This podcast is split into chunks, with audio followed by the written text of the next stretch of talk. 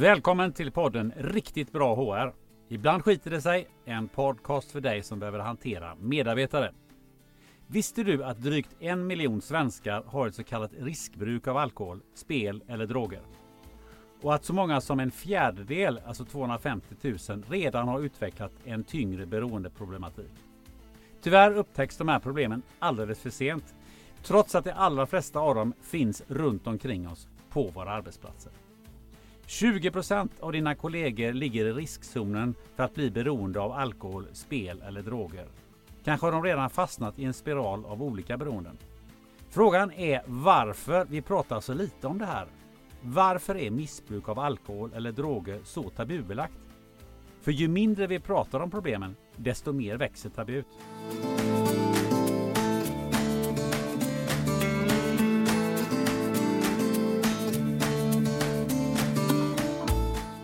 I det här avsnittet så ska vi lyfta de här viktiga frågorna tillsammans med Fredrik Lyrblad som jobbar med beroendeproblematik både med arbetsgivare och enskilda personer. Välkommen hit! Tack så mycket! Och naturligtvis så finns Jakob Bergström från HR On Demand vid min sida. Välkommen du också! Tack! Eh, jag som ska lotsa igenom det här samtalet heter Gunnar Österreich. Och Jakob, vi börjar ju som vanligt med dig. Alltså, nu sitter vi här strax innan jul. Mm. Eh, och jag hade ju kunnat fråga dig typ eh, hur ser det ut med glöggen eller är, är julölen inköpt eller sådär. Men de här frågorna fastnar ju lite i, i halsen med, med tanke på introt som vi hade här. Ja, det gör de faktiskt. Um, så, så, jag tänkte lite höra, vad, vad, tänker du när du hör introt att det är så många människor? Hade du koll på det?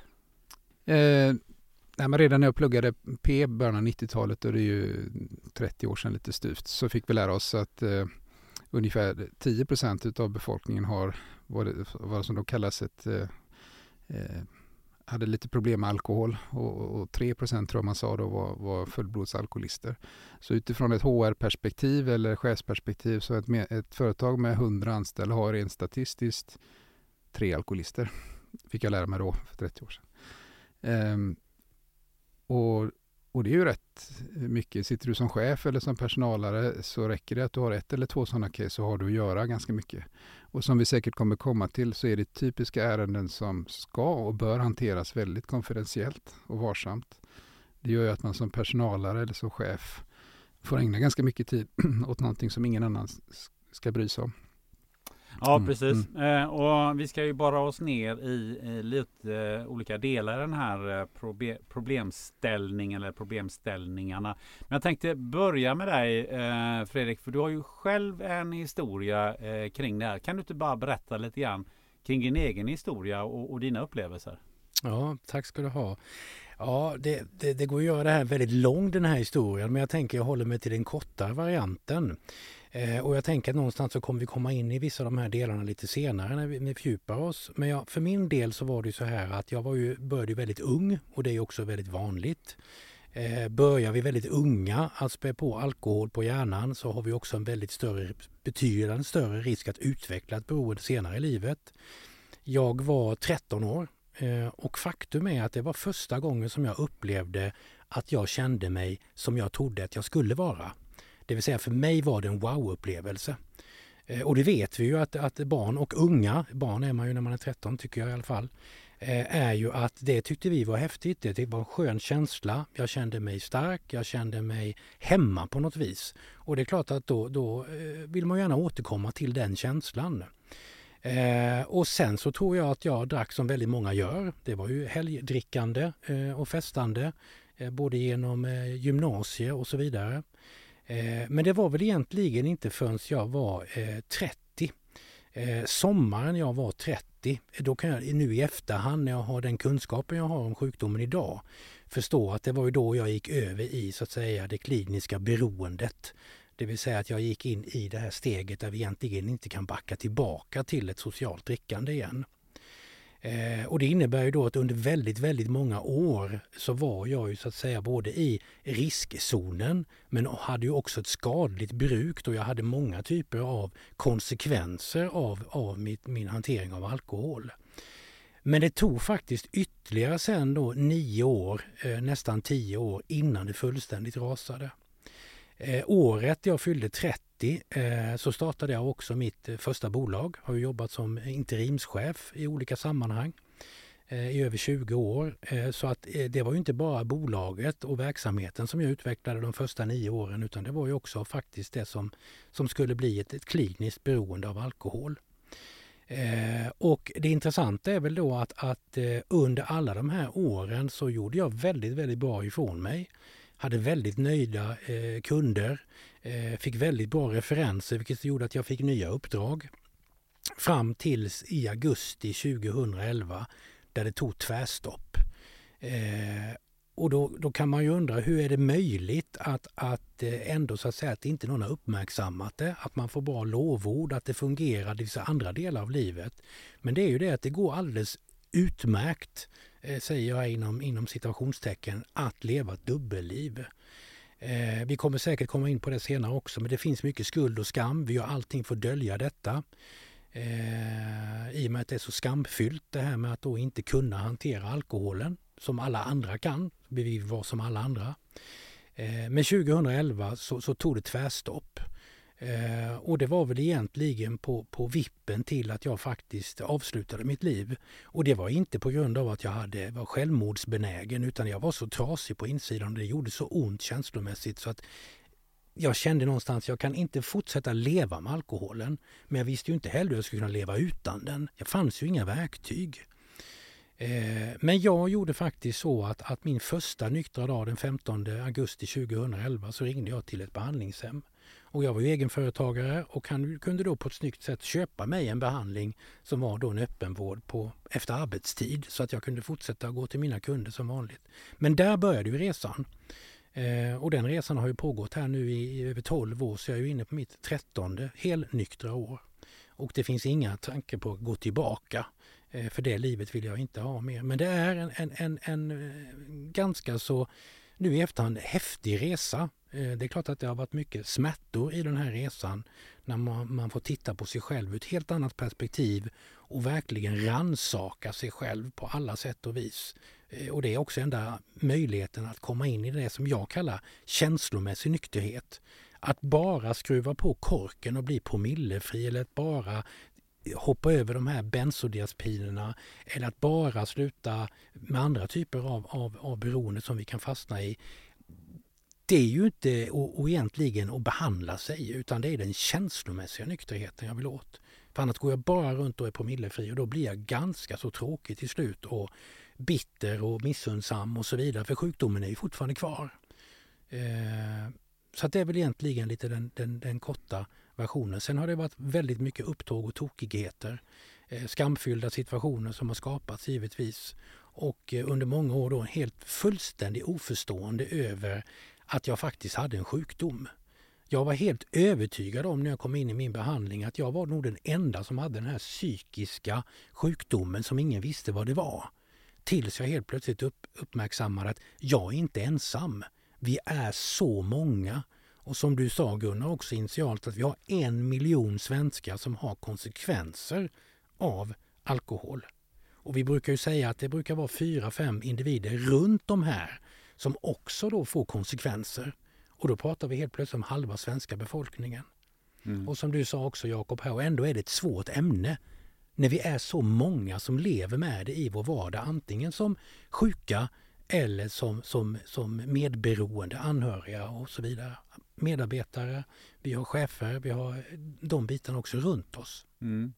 Eh, om vi börjar alldeles eh, sådär från, från början. För att det, det är lite så här, hur upptäcker jag själv mitt problem? Vad jag förstår på dig så, så upptäckte du inte ditt problem förrän väldigt, väldigt sent. Jag upptäckte det väldigt, väldigt sent och, och eh, det finns ju också, vi brukar ju ibland kalla det förnekelsens sjukdom och det är ju faktiskt också så här att desto sjukare vi blir desto mer tråkigheter har vi en förmåga att förneka. För hade inte människan kunnat förneka sina beteenden oavsett vad det är för några så hade ju skammen blivit så stor så då hade vi ju lagt av. Så förnekelsen har ju den funktionen, speciellt när det gäller beroendesjukdomen, att desto längre vi kommer in i sjukdomen desto mer förnekar vi.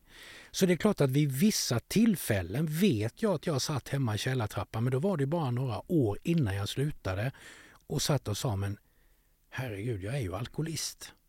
Men är vi sjuka så kan vi också ställa till det något vansinnigt på helgen. Sen framåt i veckan när vi börjar liksom må lite bättre så tycker vi att äh, så farligt var det inte. Och så mm. ger vi oss på det igen. Men hur hamnar man eh, i det här överhuvudtaget? Du, du sa att det var ett, ett, tidigt drickande, men finns det någon sorts eh, predestination eller finns det någonting hos olika individer som gör att man faktiskt kan hamna i det här eh, beroendet? Ja, det är en jättebra fråga och det gör det ju faktiskt. Alltså de senaste 20-25 årens forskning, för det här är ju ganska relativt ny forskning på det här området. Det är inte så att vi har hållit på med det hur, hur länge som helst. Men, men det finns ju idag genetiska faktorer som, som skapar en sårbarhet hos en individ att kunna utveckla ett beroende. Det tror jag att man är ganska så överens om idag.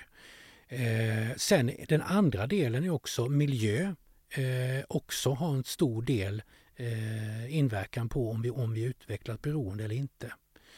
Eh, tittar man på några delar som jag tycker är viktiga att ändå nämna i sammanhanget så har vi det här med anknytningsmönster. Anknytningsmönster är någonting som vi utvecklar de första levnadsåren.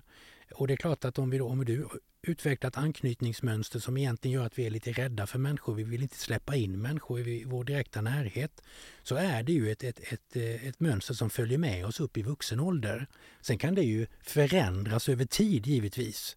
Eh, men, men som jag själv då som har en otrygg anknytning eh, så är det klart att, att då är det svårt att få fungerande relationer också. Eh, nästa del är ju egentligen då våra vårdnadshavare, de vi växte upp med. Och vi, vi är ju ganska överens om idag att våra, våra föräldrar och vårdnadshavare hjälper oss att lära oss att gå, äta, klä på oss, men en sak som är också ganska så uppenbar är ju att vi kan inte bli mer känslomässigt utvecklade än många gånger än vad våra föräldrar är. Så finns det då, så att säga, vi säger dysfunktion, det låter väldigt illa, mm. men vi säger att en, en, en förälder som inte är känslomässigt närvarande och så ska vi som barn då växa upp i de där delarna och bli våra egna individer. Det är sådana saker som, som påverkar. Så att väldigt många idag säger ju att all typ av beroende skapas i grund och botten att det finns någon slags smärta. Mm. Sen kan man givetvis bli beroende bara av substansen i sig. Men väldigt, väldigt många som faktiskt kom in i tillfrisknande och där man gör då screening på dem så finns det ju komplex trauma eller PTSD eller andra typer av, av eh, eh, eh issues eller problem i grunden. Då. Vad tänker du Jakob när du hört eh, den här eh, storyn och lite förklaring till hur, hur man kan hamna där? Jag sitter och sväljer lite grann eh, ödmjuk inför det. Så mycket egen erfarenhet som, som kommer fram här. Jag är tacksam att du här och delar. Jag, jag tillhör nog de som är ganska lyckligt lottade i det att jag inte har någon i min nära, nära familjerelation som, som har haft problem med alkohol. Jag har också jobbat i Eh, professionellt i, i branscher, yrken där, där, det, där det i alla fall inte på ytan har, har märkt så mycket. Så jag, jag har ju helt ärligt inte haft så många alkoholcase som vi kallar det eh, under de här 30 åren jag har hållit på. Men det är ett tiotal kanske. Och jag vet att i vissa branscher är, är, det, är det mer så än, än det jag kanske har erfarenhet från. Men eh, Ja, du pratar ju om, om eh, uppväxt, du pratar om att eh, all form av beroendeproblematik när man kommer i tillfrisknande bottnar i någon form av smärta och det är ju intressant i, i sig att man, man upptäcker den kanske senare. Oavsett så är det eh, helt uppenbart så att eh, om det är så många av oss som antingen själva eller, eller i, i vår närhet eh, berörs av det här så är det klart, helt glasklart att det här påverkar en arbetsplats. Det är därför vi sitter här nu, tänker jag. Och eh, eh, hur kan vi som chefer, medarbetare, kollegor bli bättre i att hjälpa dem som på grund av någon smärta då hamnat i ett, i ett beroende som påverkar prestation.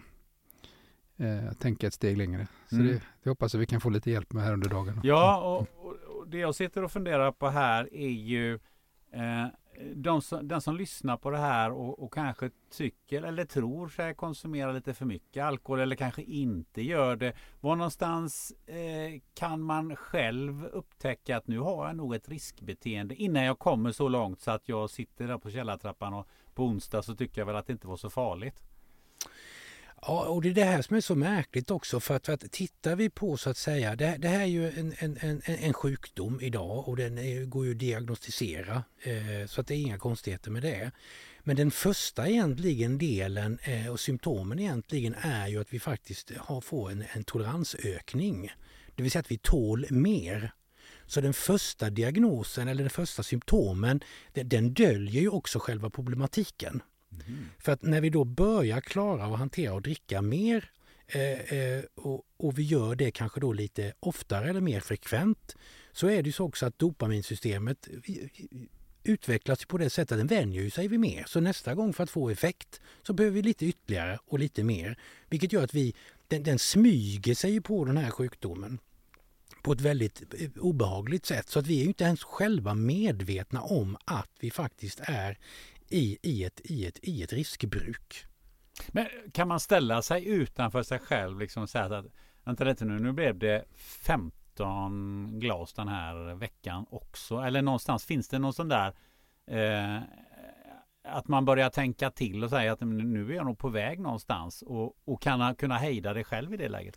Jag tänker där, där, där sker ju också en dialog och nu har vi fått en förändran i, i det här med, med standardglas ganska nyligen och det var ju en del som var väldigt upprörda över det där. Eh, det var ju vissa kända individer som tyckte att det här var helt vansinne men det är inte vansinne utan det finns faktiskt en, en god evidens för det där idag.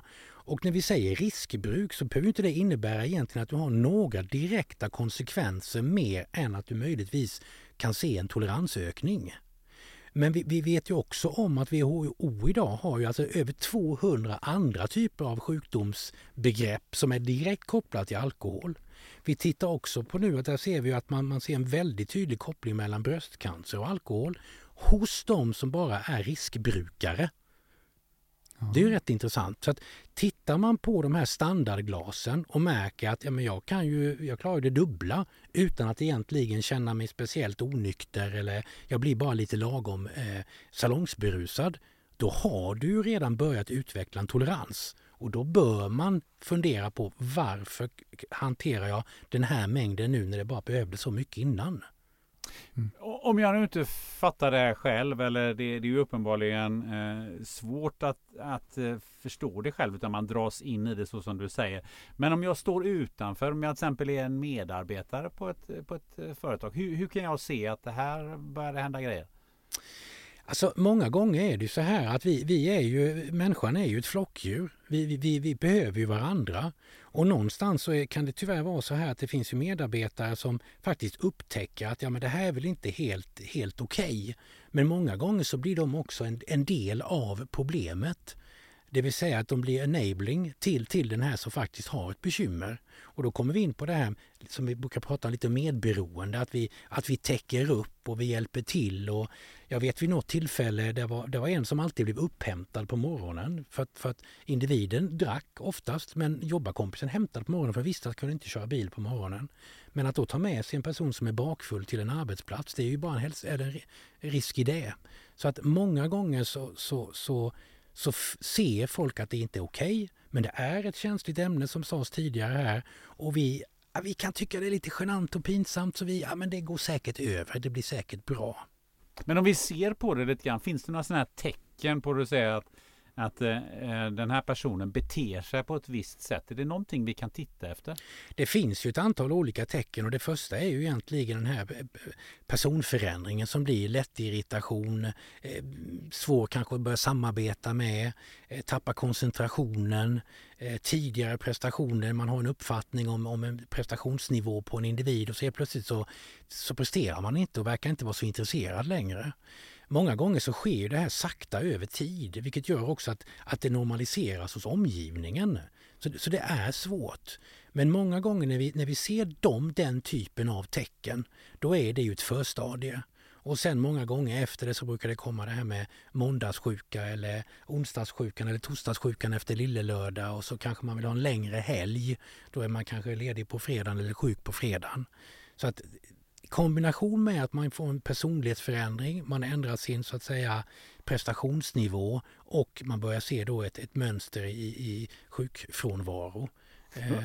Min egen eh, erfarenhet och fundering är lite grann att jag har sett en del som ju har en tendens att gärna svepa första glaset vin och har ett, ett tempo precis i början som man tänker oj, här, här går det fort. Mm. Och sen har man sett över tid att ja, det är faktiskt att det finns ett beroende bakom. Ja, och det, det är rätt intressant att du tar upp det som ett exempel. För där, där finns det faktiskt en, en forskare, Jelinek, och det här är ju alltså på, jag tror det är slutet 30, början 40-talet eh, som gjorde då en, en, en, en studie på 2000 personer som hade blivit nyktra genom ett tolvstegsprogram. Eh, för att så att säga se det. Och han gjorde då en väldigt tydlig insjuknande eh, process. Och den första delen i den här insjuknandeprocessen är bland annat då det här snabbdrickandet som man kallar det då. Det vill säga att man vill ha den här effekten snabbt. Då tar man första glaset snabbt och så får man ett bra dopaminpåslag och så känner man sig lite lugnare. Sen glas två kan man sitta då kanske och, och, och, och njuta lite mer av som, som, som de andra som inte har problemet då. Så det är också ett tydligt tecken. Varför ska första glaset i så snabbt? Vad tänker du eh, Jakob, eh, alla de här tecknen och så. Har, har du sett någonting i, i, även om du inte har haft så mycket som, din, som HR-ansvarig, har du sett eh, det här någon gång? Ja, det har man gjort. Jag, tänker lite grann på hur, eh, om det kallas medberoende eller, eller medskyldiga, så där, det, det är väl många av oss som kan tycka att det, ja, men det är ju det är bara för att säga ett namn. Det är bara Bengt. Han brukar vara lite rolig när han dricker och, och, och det, det, är väl inte så farligt. Och så, så urs, ursäktar man sig på något sätt med att, att det är bara han. Och, och så går det successivt över tid innan man upptäcker eh, problematiken. Jag har så många tankar i huvudet just nu så att jag, jag sitter och lyssnar och försöker, eh, försöker lära mig. Men, men eh, vi kommer ju precis ut ur kan man säga en pandemi. Nu är det julen 2023 eh, och under pandemin kan man säga då var det några av oss i vårt skrå som, som gjorde reflektionen av att eh, det här med att jobba hemifrån då var ju kanske inte helt lyckat för de som, som var i riskbruk, för det blev missbruk. Eh, och första signalerna kom ju när man eh, faktiskt upptäckte att medarbetare var packade på Teamsmöten. Alltså sluddrade och, och, kanske inte hade kammat sig. Eh, sådär. Det kom lite roliga, eller de var inte roliga alls, men dråpliga historier om, om hur det gick till. Eh, och det vet jag att, eh, att att, att många som jobbar med HR, de, de eh, fick lansera program i stora organisationer. Så eh, hur, hur skulle vi, alltså de, de förberedde sig för att ha ett ökat fall av alkoholism, äh, alkoholrelaterade problem då. Ja, alltså den här, den här, den här pandemin ur den här aspekten har ju varit förödande för väldigt, väldigt många som då kanske har varit i i ett riskbruk eller faktiskt till och med varit i fasen då ett skadligt bruk där det, det redan har börjat uppstå vissa konsekvenser. Och helt plötsligt så får man inte gå då till arbetsplatsen utan man ska jobba hemma. Eh, så, så, att det är många som har återberättat för mig att, att man satt ju där och hade eh, whisky i, i kaffekoppen och så sitter man på, på ett teamsmöte. För det är ju ingen som känner lukten och det är ju mm, ingen som, som, som riktigt reagerar på samma sätt. Är det så att, att, att individen uppmärksammar att ja, men nu, nu, nu kan det nog kanske börja synas på mig, ja då är det ju lätt. Man får ju bara problem med kameran så är det ingen som ser heller. Så att jag menar det har funnits väldigt många sätt att, att, att fortsätta då att, att sjunka in i, i sjukdomsbilden än, ännu eh, värre tack vare eh, det här jobba hemma då. Mm. Eh, någonting som jag har förstått också att det kan slå över åt andra hållet, alltså att man eh, eh, blir mer, att man blir överambitiös, att man blir någon, man tror att man blir påkommen så ska man visa sig extra duktig. Eh, eller att man faktiskt inte dricker på firmafester har jag också hört Och att man hellre går hem då och, och dricker för att inte visa att man har ett, ett alkoholproblem, en alkoholproblematik. Vad, vad, vad, tänker du när jag säger det? Det, det är också en, en, en del av sjukdomsbilden, just det här med kompensation för, för så att säga den här som vi kanske inte uppfattar som skuld eller skam, men vi är ju hela tiden rädda för att någon ska upptäcka vår största hemlighet. Eh, och det gör ju att vi då kan överkompensera att, att vara, vara till hands och jobba extra och, och, och vara den som fixar och donar och så vidare. Eh, för att vi på något vis eh, ska känna oss, ja täcka över egentligen vår, vår egen, egna skuldkänslor som vi då egentligen inte ens kan identifiera som skuldkänslor utan det blir ett mönster bara. Och, och just det här eh, du nämner då, jag, jag, kan ju erinra mig själv tillbaka här en, en, en invigning av en fabrik jag var med på. Jag har fått in en helt ny leverantör i ett sammanhang och eh, blev ju alldeles för överförfriskad. Och det slutade med framåt småtimmarna där att jag står och skriker att jag hoppas att det här samarbetet går åt... Ja, eh, det var ju förknippat med fruktansvärd ångest. Sen den dagen så drack jag aldrig alkohol i företagssammanhang. Någonsin. För att jag, jag vill inte utsätta mig för det en enda gång till. Men det var ju många, många år innan jag själv slutade dricka. Så jag kopplade ju aldrig till att det var en sjukdom. Utan jag kopplade bara till att jag visste ju att jag har inte kontroll. Eller de sista två åren när jag i princip drack på daglig basis. Eh, då var det många i min omgivning som sa, men det verkar Fredrik som att du har att du, liksom, du mår bra, du, du tar det lite lugnare. Ja, det var ju bara det att då, då, då, då drack jag ju inte framför andra på det viset utan då skötte jag ju det hemma. Så när vi pratar om det här så många kanske har en bild av en person som har alkoholproblem sitter på, på en bänk och dricker en brun påse. Eh, jag satt i min soffa hemma i min villa. Det, det var min bänk. Eh, så att man kunde även säga vid en middag klockan tio att nej men det är en dag imorgon också.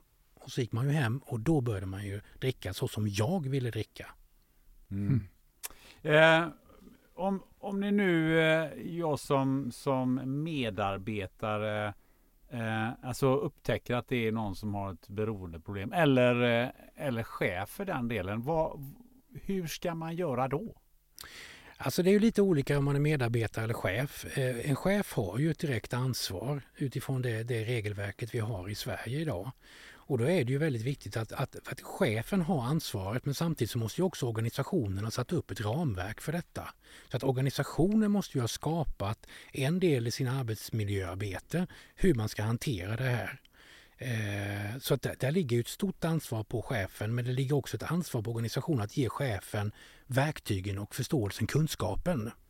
Eh, jag tror att många idag tar fram en alkohol och drogpolicy och så tycker man att det har vi där. Men, men det är egentligen, man vet inte hur, egentligen vad, vad innebär det?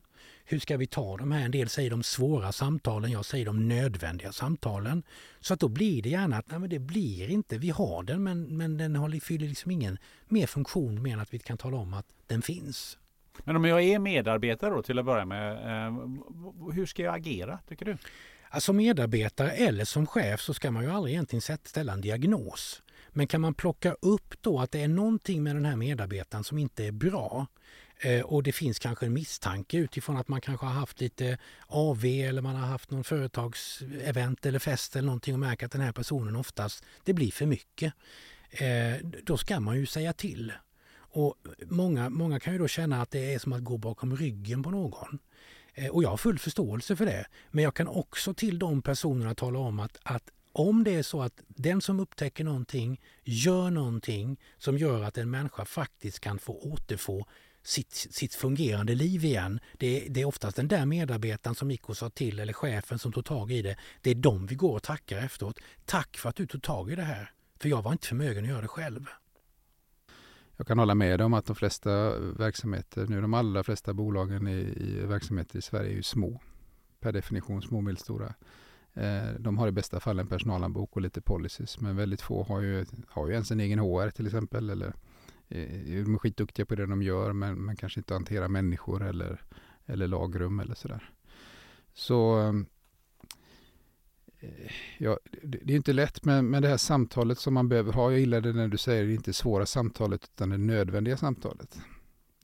Och jag brukar ibland säga att mjuka frågor, som man säger att HR jobbar med mjuka frågor, de blir ju stenhårda inte sällan när man kommer till att diskutera anställningsupphörande eller som i det här fallet att konfrontera någon. På det här när man, man väl har konstaterat och, och, då är det på, ofta på förekommande anledning. Det kan vara att någon har gjort bort sig något katastrofalt på firmafesten. Någon har blivit av med körkortet. Det är inte ovanligt. Alltså har du någon som i sitt yrke behöver köra bil och vederbörande blir av med körkortet för att man inte man har druckit för mycket på en tisdag. Eh, det är ju det är ett, en signal. Eh, ungefär hälften, det är ingen exakt vetenskap, men ungefär, ungefär hälften utav, utav medarbetare som blir konfronterade av sin arbetsgivare på rätt eller fel sätt. Eh, och då kan man som arbetsgivare säga att jag ser dig, vi vill hjälpa dig, Eh, du får gärna, vi vill att du jobbar kvar här men då måste du gå igenom detta också, vilket då skulle kunna vara ett tolvstegsprogram eller någon form av behandling via företagshälsovården. Så är det ganska många som väljer att, om de inte redan har valt, men att nej, det vill jag inte göra, så de säger upp sig själva eller går vidare. Och på det sättet är det lite enkelt som arbetsgivare. Bra, då är vi av med problemet inom citationstecken här i radion. Ehm, men problemet försvinner ju inte. Så det är min upplevelse att ganska många som blir konfronterade i ett nödvändigt samtal väljer att kliva av och gå vidare då istället för att ta tag i det. Vad, vad, är din, vad tror du om det Fredrik? Alltså det, det är både och. Men, okay. men jag tycker nog ändå att det stämmer det du säger. För att många, alltså den här sjukdomen är ju på det här viset att det blir ju, den gör ju att vi blir väldigt självcentrerade. Mm. Eh, vi har väldigt svårt för, för andra människors eh, åsikter. Eh, vi vet bäst själva. Eh, och det är ju egentligen med grunden i att vi, vi gör ju allting för att skydda så att säga våran absolut största förälskelse. För det är vad det blir för hjärnan eh, när den får den här mängden av dopaminpåslag. Och att då att någon skulle sätta stopp för att vi inte kan få det, eh, då slår det ju fullständigt bakut. Mm. Eh, och då blir det ju mer att den där arbetsgivaren, de är inte kloka, de har anklagat mig för ditten och datten och där ska jag inte jobba kvar. Och så väljer man att sluta. Och det, det är man ju helt fritt att göra. Eh, men det finns också eh, de som faktiskt hanterar det och har också en, en, ett förhållningssätt på en arbetsplats och de har chefer som är förstående där också väldigt många faktiskt väljer att ta den där eh, eh, första screeningen för att, så att man får en diagnos hur det ser ut och sen då även då en, en lämplig behandling till detta. Eh, och där har ju arbetsgivaren väldigt starkt påtryckningsmedel. För många gånger eh, så är det ju så här att en person som är beroende kan göra sig av med eh, sin partner, eh, sina barn, sina vänner och ändå inte uppfatta att de har ett bekymmer. Men är jobbet Jobbet är liksom det sista som, som vi har kvar. Så att blir vi av med jobbet, då, då blir ju sanningen uppenbar.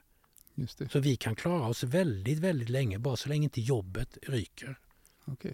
Mm. Och där ser det också lite olika ut vilken möjlighet du har faktiskt också att, att byta. Hur attraktiv är du på arbetsmarknaden? Mm. Är du attraktiv på arbetsmarknaden så är det lätt att byta arbete. Och det kan också göra, nu skenar jag iväg lite här, men det kan också göra att då sker ju den här flykten, vi brukar prata om en flykt. Då, då, då, då är det någonting nytt. Och när vi kommer till en ny arbetsplats så kan vi faktiskt under en period också hantera vårt beroende på ett bättre sätt. Men, mm. det, men det följer ju med oss, så det kommer ju uppstå problem där också. Det var rätt bra för dig då som jobbade som ansvarig och gick för lite mellan lite olika eh, positioner och, och jobb. Det passade väl, passade inte det ganska bra in i din i den, i, inom citationstecken om du förstår vad jag menar. Jo, och det, det, har ju också någonting som jag har reflekterat själv över. Och faktum är att nu i efterhand kan jag ju se att det var ju då jag startade ju eget då i hösten eh, eh 2002 och det var ju sommaren innan där då som jag själv bedömer idag att jag gick över till att alkoholen var styrande. Eh, så att nu i efterhand så kan jag ju faktiskt se att, att det var nog, jag valde nog inte att starta eget bara för att jag ville driva eget utan det var nog också en frihet i det att då kunde jag bestämma och göra hur jag ville med min tid. För planen tidigare var ju faktiskt att gå in i ytterligare en anställning innan jag startade eget men nu startade jag tidigare. Så jag kan ju se att det var en typ av flykt också, en typ av flyktbeteende idag. En annan typ av flyktbeteende kan man ju uppleva hos, eh, hos då chefer som, som säger ja men eh, jag bryr mig inte om det där för han, han eller hon kommer ju ändå nykter till jobbet och, och, och sköter ju jobbet. Och så, och så behöver jag inte bry mig. Vad tror du om det? Ja men det är många som har den inställningen eh, och det finns väl olika anledningar till det. Men, men så länge en, en, chef tycker att en medarbetare gör sitt jobb, de kommer i tid, de presterar väl och så vidare. Eh, så går det väl att använda det som en, en bra ursäkt för att inte behöva göra någonting. Men förr eller senare så blir det ett bekymmer. För en person som har utvecklat ett, ett, ett beroende blir aldrig bättre utan hjälp, bara sämre över tid. För du, du blir inte bra, det är kroniskt. Men vad tänker du om man som arbetsgivare eller som chef säger ja, det där försöker jag skjuta ifrån mig så mycket som möjligt. Det där får någon annan sköta. Det får sjukvården sköta. Eller det får, det får alltså liksom försöka hålla den processen utanför eh, företaget. Alltså det, det, är ju en jätteintressant fråga faktiskt. För att nu, nu ser vi ut så här. Vi kan göra det enkelt för att säga att ja, men så som regelverket ser ut i Sverige idag så är det arbetsgivaren som har det ansvaret. Och då vet jag att många tycker att ja, men ja, jag har ju bara den här personen, säg åtta timmar om dagen, det är ju det jag betalar för. Jag ska väl inte bli eh, eh, ställas till svars för vad, hur den personen är på övrig tid eller vad de har för bekymmer. Och det är klart att jag har faktiskt funderat lite på det där. Och då tänker jag lite så här, hur många företagsledare säger inte att personalen är vår viktigaste resurs? Och vi vet ju om att dysfunktionella arbetsplatser oftast inte kanske ger det resultatet som ägarna önskar. Så jag kan väl tycka någonstans att nej men det är nog ganska humant ändå. För att individer lägger väldigt mycket eh, av sin vakna tid på arbetsplatsen. Eh, ja, det, det, är lite kluvet men, men någonstans kan jag ändå se att vi, vi har ju inga bekymmer att, att hjälpa medarbetare med andra typer av problem. Men just när det kommer till det här, där ser jag också att det är en viss skillnad. Men hur viktigt är det att, att äga den här eh, processen? Eh, att, eh, att faktiskt ta tag i, i problemet kontra att skjuta det helt ifrån sig? Ja, det är en jättebra fråga. För att det är ju faktiskt så här idag att arbetsgivare är ju inte skyldiga att betala för, för så att säga en behandling. Eh, så är det ju. Men samtidigt så är det ju så att, att den här medarbetaren är ju anställd i din organisation. Även en chef är ju anställd i den här organisationen. Och det är klart att du, du kan försöka liksom skjuta det här någon annanstans.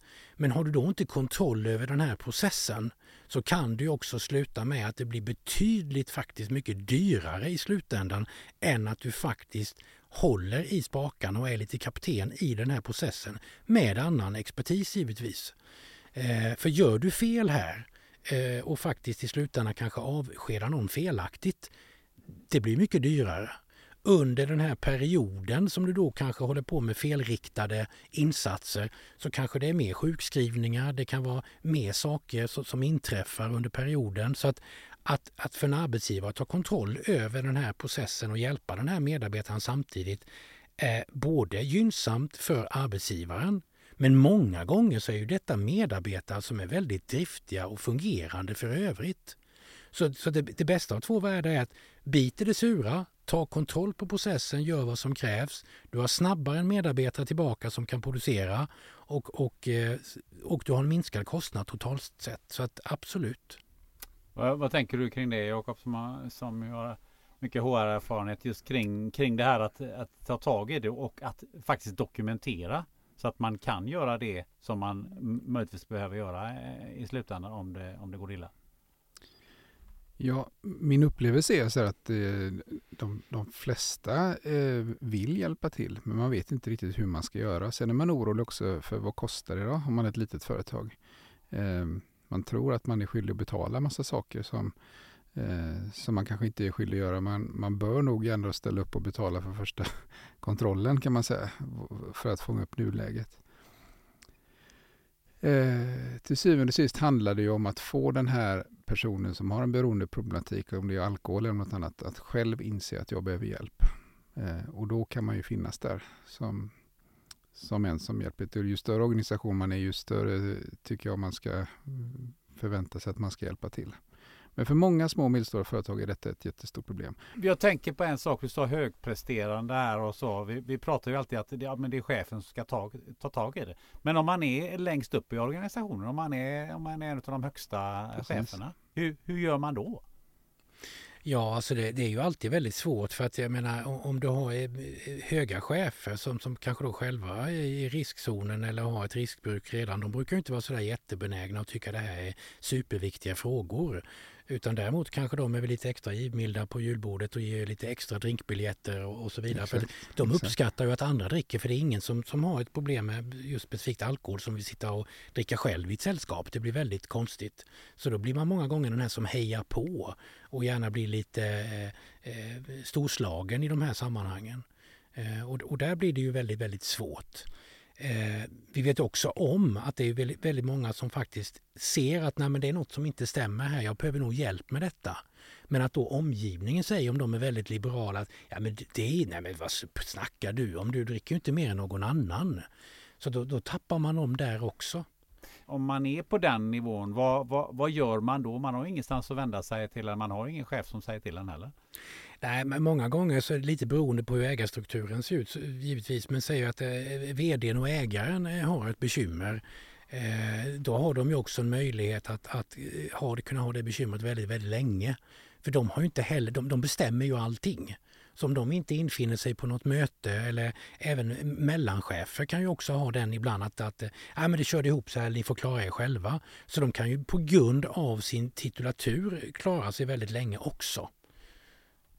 Eh, vi var redan varit inne på det, men, men om, om det går riktigt eh, illa då och, och, att man faktiskt är, är tvungen att eh, eh, göra sig av med den här eh, medarbetaren. Hur, hur, eh, vad har man för ansvar? Vad har man för möjligheter? Alltså det, det kanske egentligen är mer med ditt område mm. Jakob, men jag tänker ändå så här att, att det är väldigt tydligt idag Eh, så att säga vad, vad, vad arbetsgivaren har för ansvar.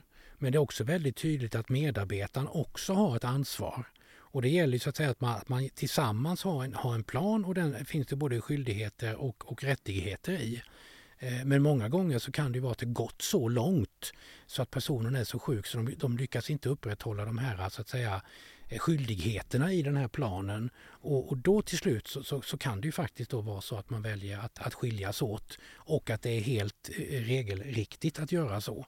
Mm. Men, men tyvärr så, så, är min upplevelse, det kanske du har en annan Jakob, men just att, att arbetsgivare kan tycka att ja men personen dök inte upp vid det här tillfället, då, då av, avskedar mm. vi personen. Och med tanke på omständigheterna som är runt omkring där så ja, det, det, är, det är lite svårt. Men det är lite, i det här får man nog titta lite på e, enskilda fall också. Men mm. man kan inte göra hur man vill. Eh, men det finns både rättigheter och skyldigheter. Jakob? Ja, men exakt. Och det är väl det man kan eh, vara inne på exemplet om man konfronterar någon, det är ett starkt ord, men om man, man synliggör då i, i ett nödvändigt eller svårt samtal med en medarbetare att jag ser att du har ett problem, detta hände på festen tidigare, jag ser att du har varit borta ganska mycket eh, och, och, jag upplever att din prestation är så dålig. Eh, och du, du luktar alkohol och vi hittar dessutom en flaska bakom eh, pärmen här. Det, det, kan ju hända också. Eh, vi, vill, vi vill hjälpa dig, vi vill att du ska vara kvar, men då måste du ställa upp på det här. Eh, och gör man det så så, så är det medarbetarens ansvar. Det är väl att, att, att, se till att få in det där. Men vi pratar också om droger. Så vi pratade om att, eh, att vara nykter på sin arbetsplats oavsett om det är alkohol eller om det är någon annan eh, drog. Eh, det är ett arbetsmiljöproblem som, som man har ju övriga medarbetare att tänka på. Just det. Faktiskt. Och den är nog så viktig. Du har en arbetsgrupp och du har ju kollegor. Så, eh, och, och min eh, vad ska man säga, så här, tjänstemän har ju sällan så farliga jobb eh, så att det påverkar någon annan om man skulle vara lite onykter. Men arbetare har det. Bygg, byggnadsarbetare, om du är på, på varvet eller om du står vid svarven och, och skulle vara berusad. Men någon annan kan ju dö för att du tappar, tappar verktyget eh, så att det flyger iväg någonstans.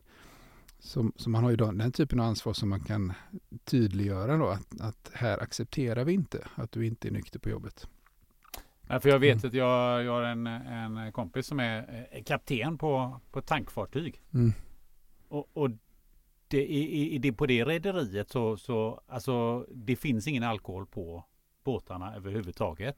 Och är det så att eh, det, det, är någon som är i närheten av alkohol på en, på en båt så är det så får man inte gå lov att komma ombord någon mer. Alltså man är i princip, man får i princip eh, sparken. Så man, man har ju satt ribban väldigt, väldigt högt just för att det, mm. det är så farligt om, om någon skulle göra något fel. Mm. Eh, på båten. Mm. Så att kan man sätta, och man tänker på det, kan man sätta ribban på lite olika nivåer eh, i förhållande till vad man har för, för eh, verksamhet? Ja, absolut. Det, det, måste man göra. Så att utifrån så att säga hur den här policyn ska se ut på, på, på ditt företag är ju helt utifrån de riskerna som finns där. Eh, så det, går inte bara att ta någon från, från internet och säga att den här blir bra för oss. Eh, sen en annan sak också som, som slår mig här nu som jag tror är viktigt att vi, vi, vi delar är just det här att den här policyn det är inte bara egentligen att tala om vad som är tillåtet och inte tillåtet utan den ska också tydligt tala om vad händer om eh, det är mm. så att, att det finns misstankar och så vidare. Och därför är det så viktigt också att om vi säger närmsta chef notera de här olika tillfällena och så man, så man sitter ju egentligen inte och Eh, eh, eh, anklaga någon för att ha problem med alkohol. Att det vill säga, vi ska inte sätta diagnosen. Men utifrån de här händelserna så ser jag det här och utifrån vår policy så, så ser jag att det skulle kunna vara så här. Därför vill jag gå vidare och vi gör en screening på dig med hjälp av extern part exempelvis. Så då har ju till och med chefen behöver inte säga varken bu eller bä utan han, han eller hon behöver bara rätta sig efter företagets regelverk. Det gör det också att det blir, kan bli lite lättare för chefen för då gör man bara sitt jobb. Det vill säga eh, det här man går ju mm. inte in och anklagar någon på något vis. Jag tänker den är viktig. Men precis som du säger, den måste sättas utifrån den organisationens förutsättningar. Eh, ibland skiter det sig har vi ju som en underrubrik i den, i den här podden. Och har, har ni några exempel på när det har gått riktigt eh, fel eh, eller där ni har sett att, att så här borde man inte ha gjort? Eh, eller har ni några sådana någonting, någonting sånt ni kan dela med er utav? Mm, ja, jag har ganska många. Mm. eh, kan ta ett som, är, som egentligen hände innan en anställning vid ett tillfälle. Ganska intressant övning. Eh, ibland jobbar vi med vad vi kallar för objektiv referenstagning i samband med, med att vi hjälper anställda att anställa personer. Så att, eh, då kan man säga enkelt uttryckt, den som tar referensen har aldrig träffat personen för att man ska kunna vara så objektiv som möjligt. För hur skicklig man än är som intervjuare eller chef så när man har kommit till slutfasen av, av en, en, en rekrytering och har en toppkandidat så, så, ställer man lätt ledande bekräftande frågor. Men i det här fallet var det, var det en person som skulle anställas, en senior person. Han har varit säljare i 25 år, hade jättefint CV och, och var liksom känd i branschen lite grann och sådär. Fast eh, det var i Stockholm. Eh, och jag var uppe och intervjuade personen. Han var en, en väldigt eh, jovialisk eh, herre han hade slarvat lite med, med testerna inför den här intervjun som jag hade med honom. Så att, så att jag kunde se att det var ett mönster i, i, i att han, han var lite slarvig och han svarade och tyckte att det var, ska jag sitta här och ha den här intervjun, jag som har jobbat så länge, ungefär så. Så jag hade en, en känsla som inte var riktigt rätt. Så bad min kollega ta referenser. Hon tog referenser, ringde mig, jag kommer ihåg att jag gick runt i Kungsträdgården och så, så, så ringde hon och sa Jakob, det har hänt någonting som jag inte varit med om tidigare. Då hade alltså en av referenspersonerna sagt ja, det är en eh, jättebra person, han är en bra säljare, men se till att bara koll, eh, ha koll på hans alkoholkonsumtion eller till och med så se till att han tar det lugnt med kröken. Det hade så referenspersonen sagt i ett, ett referenssamtal till oss. Eh, varpå det var det är en ganska kraftig signal så att vi ska nog inte anställa den här personen. Så jag sa till det till kunden att, att den här personen, jag, jag har faktiskt inte varit med om det tidigare att det kommer fram, men det är nog en effekt av den här objektiva referenstagningen. Eh, jag hade inte anställt honom och skulle jag anställa honom så skulle jag provanställa honom och se vad som hände på julfesten. För det var i oktober, november någon gång det hände. Eh, och, och kunden, eh, det hände ju faktiskt att man trotsar det som vi tycker. Tyckte att vi, vi kör på ändå. Eh, och mycket riktigt på julfesten så hade han druckit lite för mycket men det var fortfarande på rätt sida gränsen. Men han blev väldigt frispråkig och tyckte att hela den processen med rekrytering och sånt skulle inte han behöva utsätta sig för. Sen kom kickoffen i januari och då gick han över alla gränser. Och då ringde vdn och sa att jag skulle lyssna på dig. Eh, det sket sig liksom. De, de lyckas lösa det ändå på samma tema som vi varit inne på. De konfronterade honom med detta och han förstod ju själv att han gått över gränsen. Så att han, och han var en grandios personlighet. Så han klev av och tyckte att jag är bättre än, än det här. Men det skete sig faktiskt eh, ändå. För då hade företaget investerat ganska mycket tid i honom och, och, han hade hunnit ställa till med lite oreda innan. Det gick bara tre, fyra månader. Ja, jag, jag tycker det, det, det, man kan alltså fånga upp signaler innan också. Eh, I det här fallet var det en kombination av att jag ser det stämde inte riktigt i, i hur han hade gjort testerna. Vi fick in det via referenserna. Kunden anställde ändå Eh, han gick såklart inte med på provanställning heller, så att det var ingen option. Men mm. eh, sen gick det ju att hantera, tack vare att han själv var den här eh, typen som gärna ville fortsätta sitt liv. Han hade ju sagt till mig dessutom i intervjun att han, han älskar matlagning och, och tycker om goda viner och sådär. Så alla signalerna fanns ju egentligen mm. efterhand. Mm. Så det är jag extra nogsam med nu, alltid inför.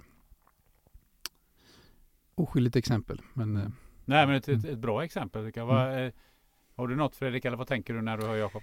Ja, jag, känner ju igen det du beskriver Jakob och jag, jag har ju också eh, en del olika exempel men de har ju inträffat när jag har varit kontrakterad som interimschef så jag känner att det inte är riktigt läge att sitta och kanske dela dem Nej. här.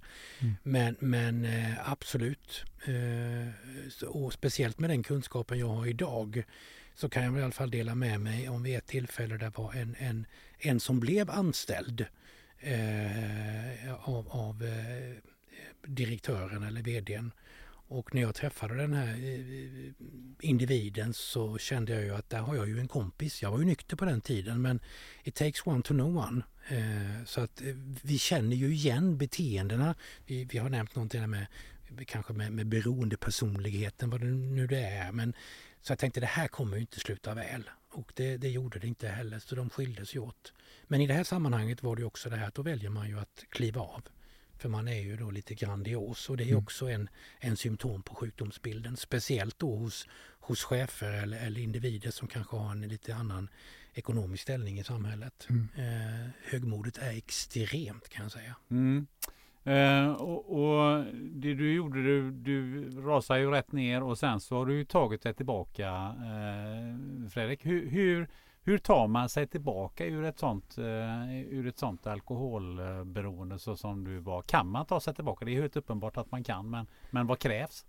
Det kan man, eh, och, och, men det krävs faktiskt en, en, eh, det krävs ganska mycket och det krävs egentligen väldigt lite. Eh, och det kanske blir lite märkligt mm. att säga så, men alltså det krävs faktiskt att, att, att våga leva livet på livets villkor och se mig själv med alla mina både brister och fördelar som finns, men framförallt mina brister. Att ransaka sig själv, vara uppriktig och ärlig, vilja ta ett ansvar. Eh, det var rätt intressant. Jag såg faktiskt ganska nyligen här, han Anders Hansson, han hjärnforskaren, mm. Mm. Eh, gjorde en serie med program och då hade han ju intervjuat en kvinna då som har jobbat med det här i, ja, i 30 år.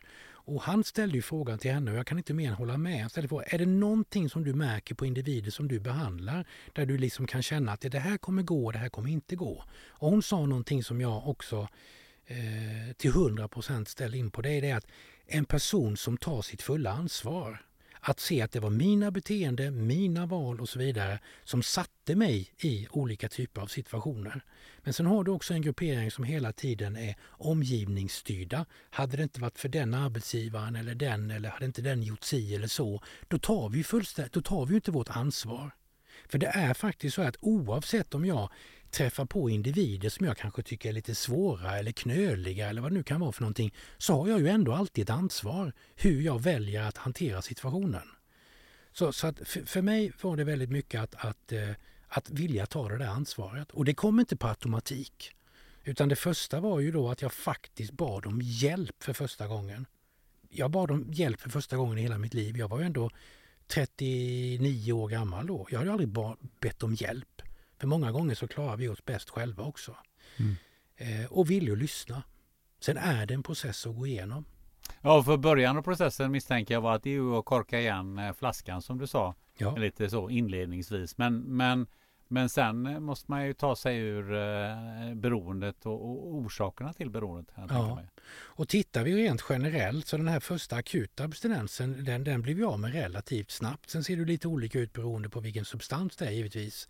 Men sen ska vi då hantera då det här fullständigt eh, eh, snedstukade belöningssystemet. För vi pratar ju om dopaminer, alltså det finns ju många olika signalsubstanser och så vidare men för att hålla det ganska så enkelt så är det ju dopaminet och vi, vi har ju då med hjälp av alkohol eller andra droger slått på någon, alltså vi har ju ökat dopaminpåslaget som är så långt utanför vår fysiologiska behov och det är ju mm. det vi har vant oss vid. Då ska vi ner eh, i ett helt annat läge och tycka det här som alla andra Svensson som vi säger då håller på med är roligt för det är ju skittråkigt. Mm. Och det är en process. Första året är ganska så avgörande. De första 3 till 6, 9, 12 månaderna.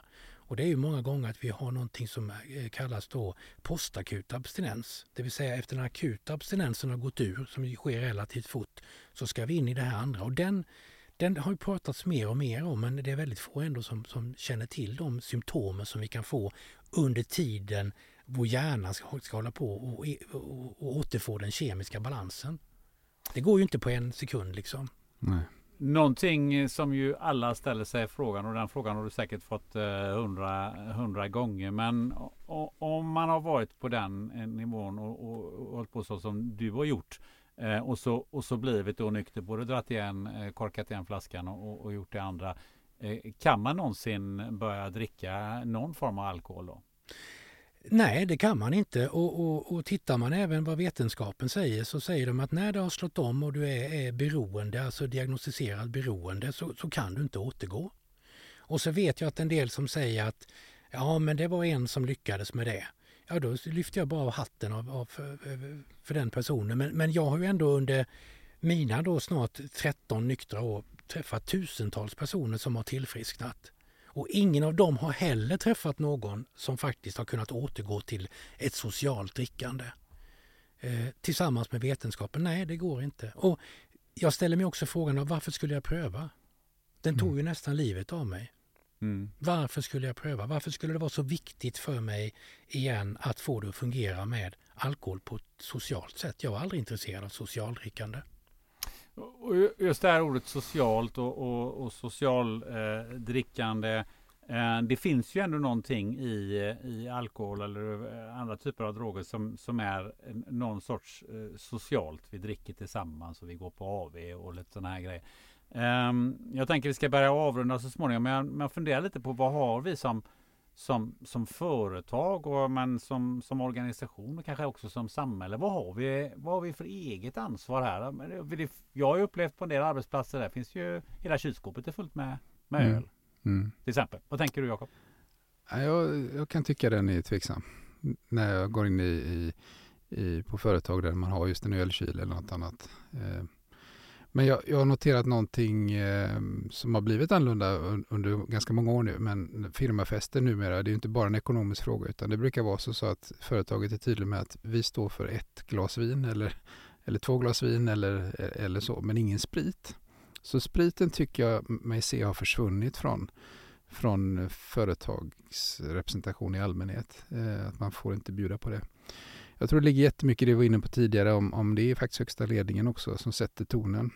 Eh, jag råkade läsa på, på Facebook av en, en kompis här som hade varit på Rondo härom, härom månaden och, och sett eh, eh, Rondo är ett ställe här i Göteborg där man kan gå och kolla på bland annat Mamma Mia just nu. Eh, vanligt att man går dit med ett gäng eh, kollegor och då var det något företag som hade misskött sig något så gruvligt. De hade varit på firmafest innan och de var så packade som förstörde hela föreställningen. Och, och det var ju ingen hemlighet vilka de kommer ifrån. Det tänker jag inte outa här då.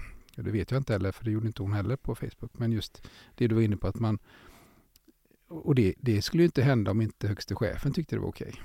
Och förmodligen var den som, som var ganska glad i hatten själv, tänker jag, och dra med sig de andra. Så som chef har man ett jättestort ansvar att, att sätta tonen. Och, och du sa att vi är flockdjur, ja men det är man ju på arbetsplats också. Men om chefen går in och säger här har vi liksom, här är vi nyktra, eller vi, vi sköter oss nu, vi kan ha kul ändå, då kommer alla andra följa det. Men om, om chefen går all in och, tyck, och är fullast på festen, ja, men då, då blir det fylleslag. Om vi pratar om det. Vad tänker du eh, Fredrik? Vad, vilket ansvar har, har omgivningen? Alltså, grejen är att då, då, då, då pratar vi ju egentligen om, om, om människan och ett samhällsansvar. Och jag menar med tanke på att det, det i alla fall vetenskapligt finns så mycket evidens och, och, och, och, vi känner ju till det här. Det är inte så att vi är omedvetna om det.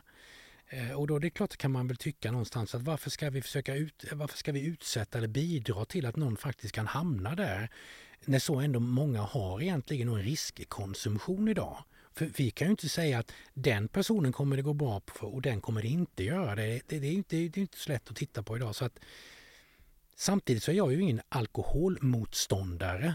Det, det, det, det, det är inte en, en, en kamp som jag driver utan min, min kamp är ju att hjälpa de som behöver det här och nu. Eh, så att förändra så att säga, synen på samhällsmässigt, eh, nej, på, på alkoholens icke-vara eller vara. Men, men, att vara med att minska stigmatiseringen och se det mer, den, den, tycker jag är viktig. Men nej, jag kan nog tycka också att eh, eh som arbetsgivare så bör man vara försiktig, verkligen. Eh, vilken kultur man skapar. Ska man tänka på någonting särskilt i det här sammanhanget när man vet att man har med sig en, en, en, nykter alkoholist som det brukar heta? Ja, alltså säger man, säger man nykter alkoholist så, så är det, det är varje individs eget ansvar. Eh, det är ju ingen som väljer att bli sjuk, men någonstans så behöver vi välja att bli friska och bibehålla vårt tillfrisknande. Eh, så att jag lägger ingen värdering idag i, i andras, så att säga, om, om, om de dricker ett glas vin eller inte. Det, det, det lägger jag mig inte i. Eh, för, för egen del så känner jag inte att andra ska börja så att säga anpassa sig över att jag inte dricker alkohol. Däremot är det ju väldigt, väldigt trevligt att komma till still, tillställningar där det finns också alkoholfria alternativ. Det vill säga att man gör ingen sak av det utan det finns alkohol och det finns alkoholfritt. Och man tar det som man känner att man, man, man vill ha utan massa snack. Ja, för just det här med eh, snack är ju en sån sak apropå det här med social, socialt tryck. Mm. Det är ju mycket snack om Mm. alkohol. Men ska du inte ha ett glas till? Ja. Ja. Vad, vad, vad tycker du om det? Alltså det är ju en fråga som jag har fått eh, många gånger. Eh, ska du inte ha någonting? Och det är ju inte kanske alla som känner till att jag har valt att inte dricka alkohol. Eh, det är klart att i början var det lite jobbigt eh, var det för att jag kände mig ju annorlunda och utanför och alltihopa det här. Men det har ju inte, att göra, har inte med alkoholen att göra utan det har ju med min sjukdomsbild och relation till alkoholen att göra.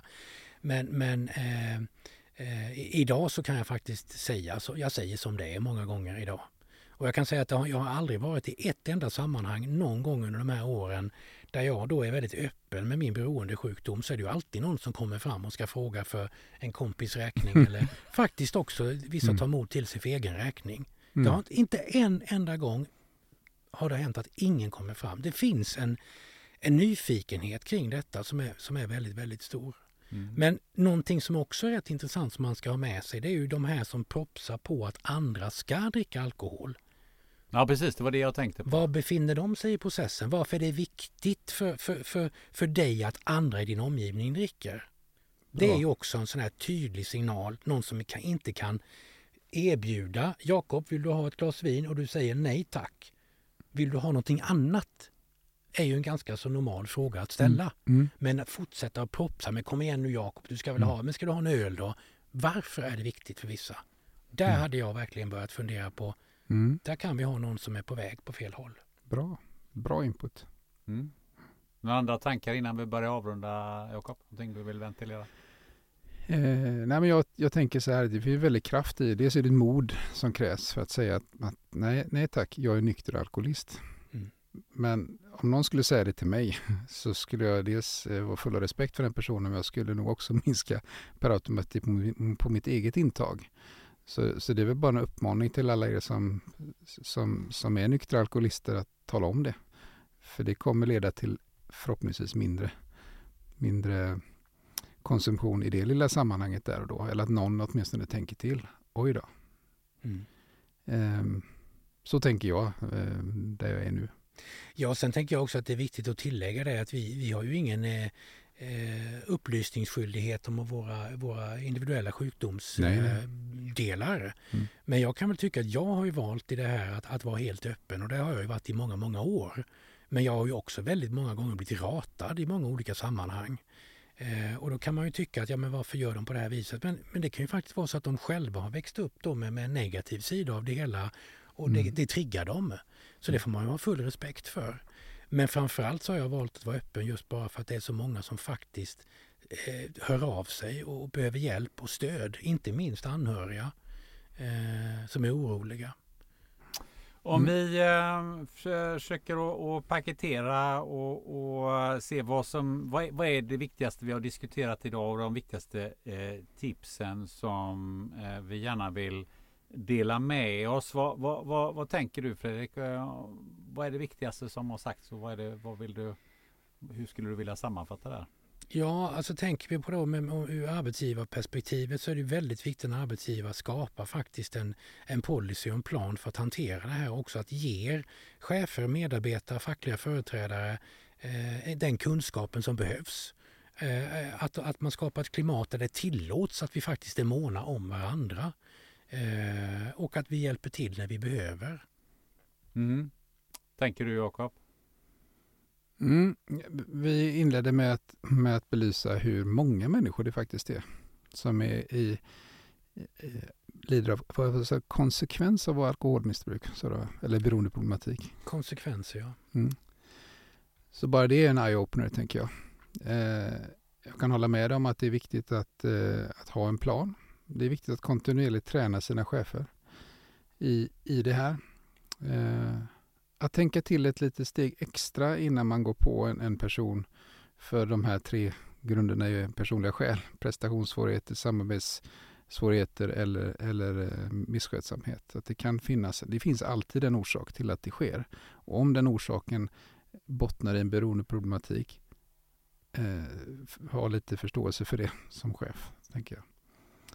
Eh, bara att vi pratar om det tycker jag är bra i den här podden och att vi, eh, för det var du också inne på eh, inledningsvis, både du Gunnar och, och Fredrik, att vi ska väl prata om det. Eh, för det tystas ner eller något sånt där. Sen, sen, skulle vi kunna ägna eh, en hel serie åt bara detta, för det finns massa olika beroendeproblematik och, och, och det som du är inne på kring dopaminet då, att, att vi söker efter våra kickar, men det ser vi på många olika andra områden också. Eh, jag är lite omtöcknad så här efter den här timmen, så, så blir det ett samtal vi har i den här podden, så att jag, jag lär mig mycket och lyssnar in och det, det, är svårt om man ska vara helt ärlig och vara skarp i, i motfrågor för jag processar fortfarande. Så jag får väl lyssna på programmet sen och återkomma. Men jag är jättetacksam för att du är här Fredrik och delar med dig av dina erfarenheter. Och eh, säker på att du kan göra mycket nytta. Jag hade en sista. Eh, och det var när vi träffade Fredrik inför det här så sa Fredrik någonting, eller du sa det nu också tidigare, it takes one to know one. Fredrik, hur kan du, eh, hur kan du se på någon att han eller hon eh, har ett problem eh, eller är risken att utveckla ett problem? Alltså, eh, it takes one to know one. Och det, det är så här att jag kan ju inte med 100% säkerhet säga att, att det är just alkohol. Mm. Men, men, men just ett, ett, beteende hos en individ så går jag på en tillställning och så pratar jag med ett antal olika, man, man, man, man minglar ju runt lite grann. Så skulle jag kunna säga till dig Jakob efteråt att vänta två timmar så kommer den här personen antagligen ha druckit lite för mycket. Mm. Eh, och, och, det brukar faktiskt ofta stämma. Och det är ju inte utifrån att jag har sett hur personen dricker utan det är ju mer hur personen uppträder. Mm. Eh, och det är ju likadant idag. Jag kan ju, jag kan ju se på någon när de får exempelvis en, en, en, en ångestattack. Eh, och det har att göra med att vi blir ju, alltså jag själv led ju av, av svåra ångestattacker och, och ångestproblematik i 25 års tid. Och det var ju mycket därför som jag själv drack. Det var ju en självmedicinering som var då hade andra orsaker. Men det finns vissa saker i rörelsemönster, i, i, i ögonkontakten, ordval, ord, alltså... Nej, man, bara, man bara vet. Här är mm. det någonting. Här är mm. något som inte stämmer. Och mm. många gånger så är det faktiskt alkohol. Och varför är det det? Jo, vi pratar ju om att en miljon. Ja. Alltså är det ju inte så konstigt att Mm. För det är så många som du sa också innan Jakob. Det är ju inte bara några stycken. Nej. Det är ju ofantligt många. Ja, precis. Och, och, eh, jag har verkligen lärt mig eh, allt från att det är ofantligt många och att, att, att eh, vara, vara uppmärksam. Men också det här att jag hoppas att eh, det samtalet som vi haft här och nu har mm. bidragit till att vi eh, ehm, faktiskt kanske eh, blir av med lite av de tabuna som vi, som vi pratade om alldeles i början. Mm. Jag tänker på en annan sak med som jag tycker ändå är viktig att poängtera. Det är ju det här vi pratat om skam och skuld och, och kan man skämta om, om den här sjukdomen och så vidare. Men jag tänker så här att eh, jag är ju inte min sjukdom. Jag har ju en sjukdom. Och så länge jag tar hand om den sjukdomen så är jag ju så mycket mer än den sjukdom jag har. Däremot om jag återfaller, då blir jag min sjukdom. Men det är också väldigt viktigt tror jag att ha med sig det. Att det är, vi har en sjukdom, vi är inte en sjukdom.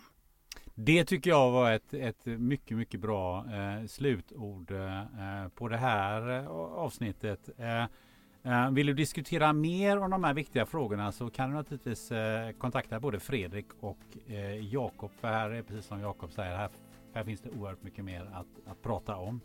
Eh, tack Fredrik för att du vill eh, dela med dig av din kunskap och framförallt av, av din historia.